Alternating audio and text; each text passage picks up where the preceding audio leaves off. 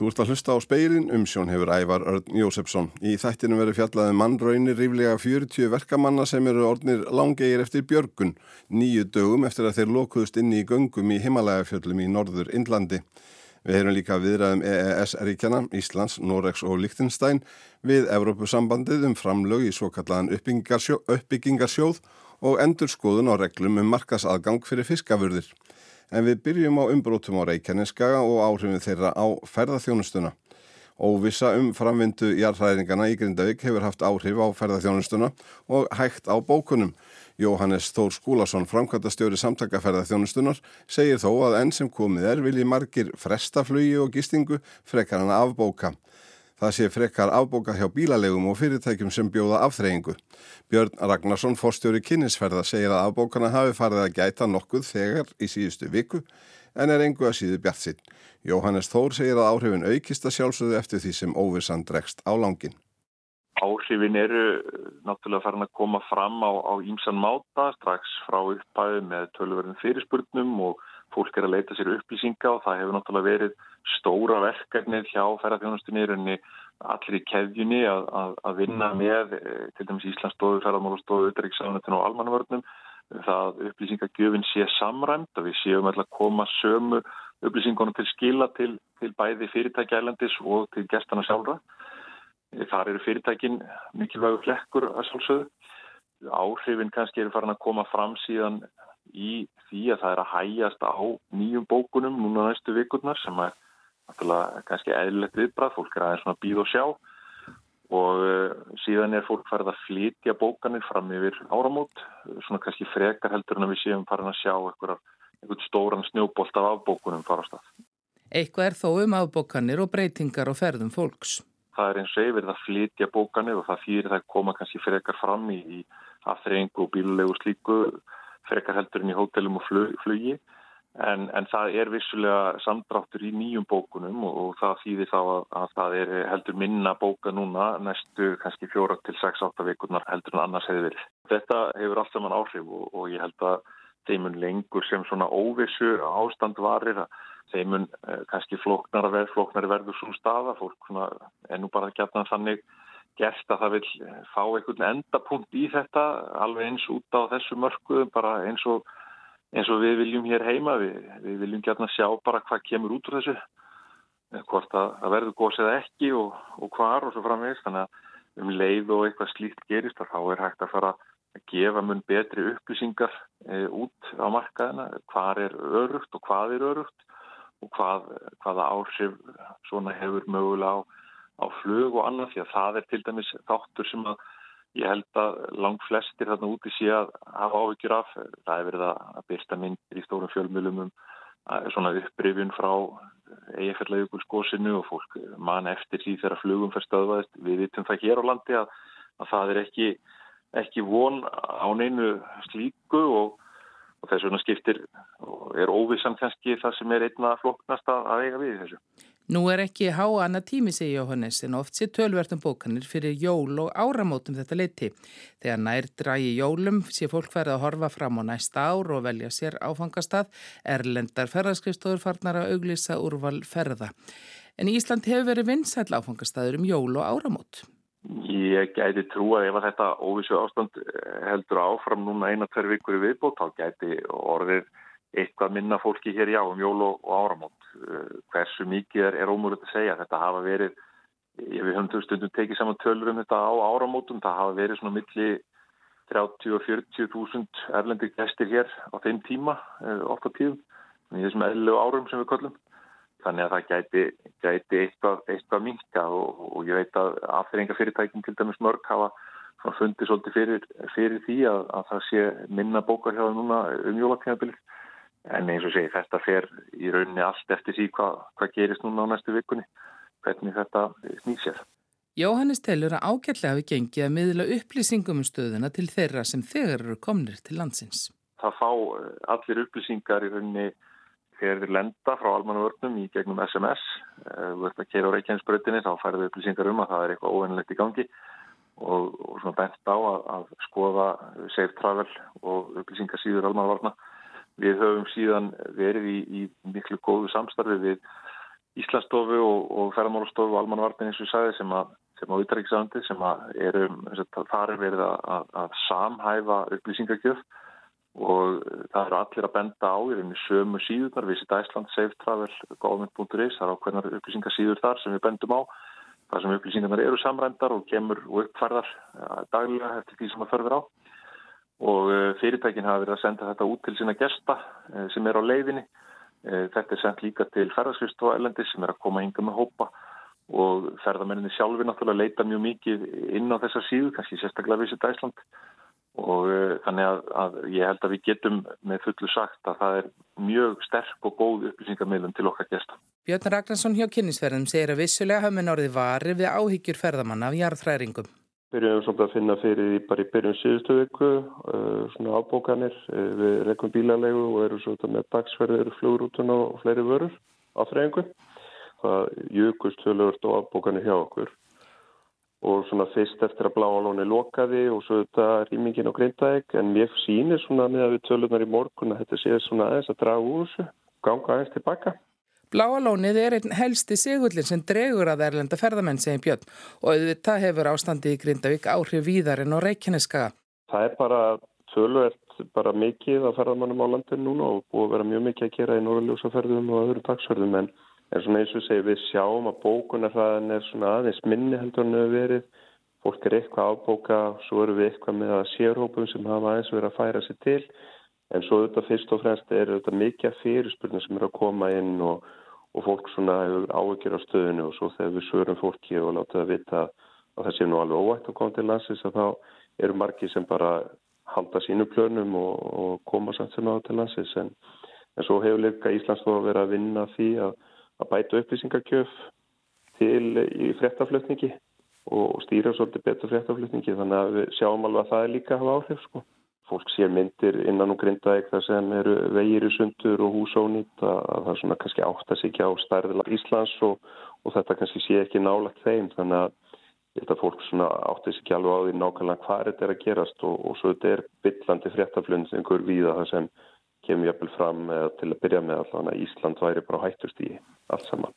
Byrnið þykir þó sem fréttaflutningur erlendis hafi já, jafnað sig og verið tónaður aðeins niður en færi svo að gjósi þá drægi auðvið tóbókunum.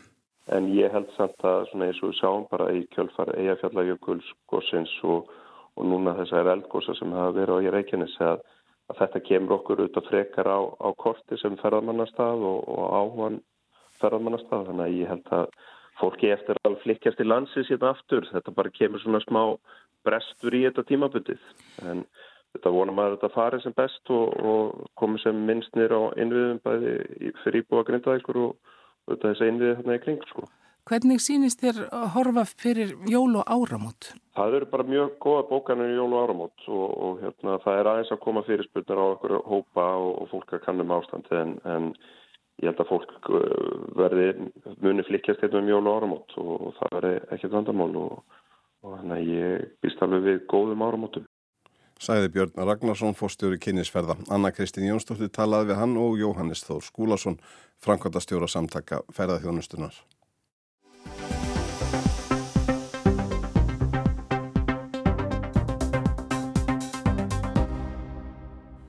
Tilraunir til að bjarga 41 verkamanni úr göngum sem hrundu í himalægafjöllum á Indlandi fyrir nýju dögum hafa enn ekki borið árangur. Myndavél var sendt til þeirra í dag gegnum mjótt stálrör. Þeir bera sig vel en eru orðnir langegir eftir björgun.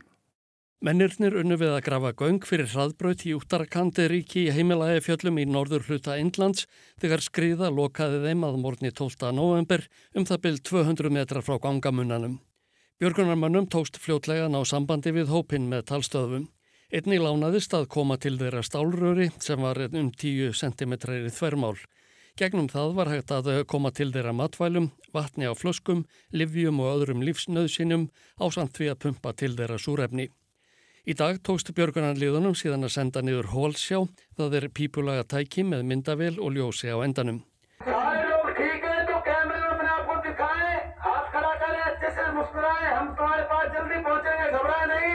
Er allt í lagi með ykkur?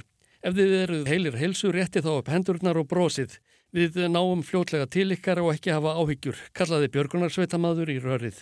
Hann bað menninni að draga myndavillina til sín svo að hægt væri að sjá þá alla. Loks voru þeir beðnir um að sleppa tækinu og forða sér frá rörinu því að tilstæði að skóla það. Sjá mátti að mennurnir voru úrvinda og áhyggjufullir og virtust lítið hressast þó þeim væri sagt að Björgun væri á næsta leiti. Enda hafa Björgunar aðgerðir gengið sent. Þær hafa valdið hruni í göngunum og einni hafa stórir borar sem notaðir eru til að komast að hópnum bilað að minnstakosti tvísvar. Indverski flugherrin hefur séðum að flytja nýjan búnað á staðinn í stað þess sem hefur gefið sig. Frettamæður AFP sá í dag vörubíla komað gongamunnanum hlaðna breyðum málmurörum sem voru svoðun saman á staðnum. Með þeim taldan að veri væri að útbúa flóttaleið fyrir verkamennina. Puskarsingi Darmi, aðalráð þeirra óttarakant hérads, sagði í yfirlýsingu í dag að allir verkamennirnir væru öryggir inn í göngunum. Hann hvaðst hafa verið í sambandi við Narendra Móti, forsetisráð þeirra, sem sagði það forgangsmál að ná þeim á lífi upp á yfirborðið. Stjórnendur aðgerðana búast við að það taki fjóra til fimm sólarhinga til viðbótar að ná til hópsins. Fyrstu dagana eftir að göngin lokuðust var reynd að bóra lóðurétt göngu með 57 metra leið niður til mannana. Það verk staðvaðist á fastu dag þegar borin eðilagðist. Í dag hófst síðan vinna við að bora lárétt á tveimur stöðum. Verkfræðingar áætla að stittri leiðin sé um 90 metra laung. Þeir óttast að verkið geti valdið enn meira hruni en hingað til. Sá lengri er um 480 metrar. Fyrstu sólarhingana eftir að björgunar aðgerðiðnar hófust var einungi sagt að koma vistum til mannana inn um 10 cm breytt rör. Þar af leiðandi fenguðir einungis þurrmat. Súbær Ahmed, frettamadur í Breskaríkis útvarpsins í Nýju Deli, sagði í frettathættinum The Newsroom í dag að mennurnir hefðu tjáð sínum nánustu að þeir væri orðinir hundleiðir á þurmat og popcorni. They are used to eating cooked food and they are demanding uh, cooked food which is not possible pushing through the pipe. So that is the only option they have right now. Þeir eru vanir að borða eldaðan mat en það er ómögulegt að koma honum til þeirra þannig að þeir verða að gera sér þurrmatina góðu, saði Ahmed. Síðdegis tókst björgunamönnum hins vegar að koma breyðara röri til mannana þannig að stjórnandi aðgerðana gati tilkynnt frettamönnum gladur í bræði að hægt hefði verið að senda þeim heitar máltíðir, 24 flöskur á vatni og dálítið af bönunum. Sérfræðingar höfðu varað við því að það ráðist væri í stór framkvæmdir í úttarakind vegna hættunar á skriðuföllum. Umferðargöngin sem mennurnir unnu við voru hluti af áallun mótis fórsættisráþur en bættar samgöngur. Þau áttu að verða fjögur á háls kílometra laung, stitta leiðir millir nokkura helgistada hindúa í ríkinu og greiða fyrir umferð til mikilvægra staða á landamærum Indlands og Kína. Áskeir Tómasson tók saman.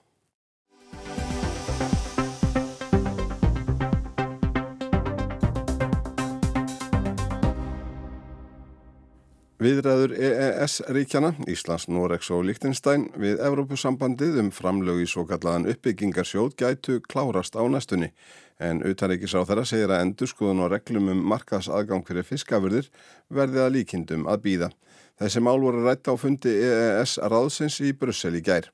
Björn Malmqvist segir frá. Ráðferraráð EES-ríkjana hittist tvísvar á ári. Þarna sitja utaríkisráðherrar Íslands, Noregs og Lichtenstein öðrum megin við borðið. Hinnum megin er Maros Sefcovic, varafósiti framkvæmdastjórnar Európusambandsins sem er með samskiptin við EES-ríkin á sinni könnu sem á samninga við ríkin þrjú sem voru á dagskrá í gær. Annars vegar er rætt um framlög EES-ríkjana í uppbyggingasjóðun svo kallaða. Sá sjóður á sér stóði samningnum um Euróska efnaðansveðið og felur í sér að ríkin þrjú þrjúleggja umsamda penningaupphæði í sjóðin á sjö ára tímabili til að styrkja þúsundir samfélagsleira verkefna í 15 aðildaríkjum ESB. Meira um það hér á eftir. Hínliðin á þessum viðræðum snýst um aðgengi að innri markaðnum og hvað Ísland og Nóri varðar aðalega um totla og fisk. Þessar viðræðar hafa staðið yfir undanfarið ár, markmið íslenskra stjórnvalda og norskra reyndareitnig hefur verið að fá jafn góð totlakjör og þjóður á borðið Breitland og Kanada.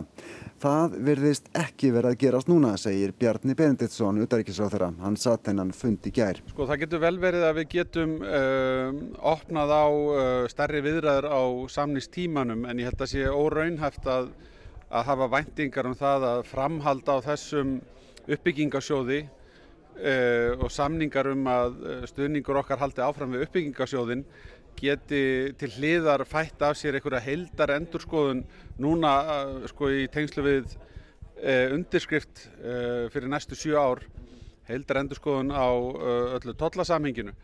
Það held ég að sé órunæft en við, það eru samt atrið sem við viljum nota þess að ræða og uppfæra samkómulag um þá hluti og við erum í samtali um það.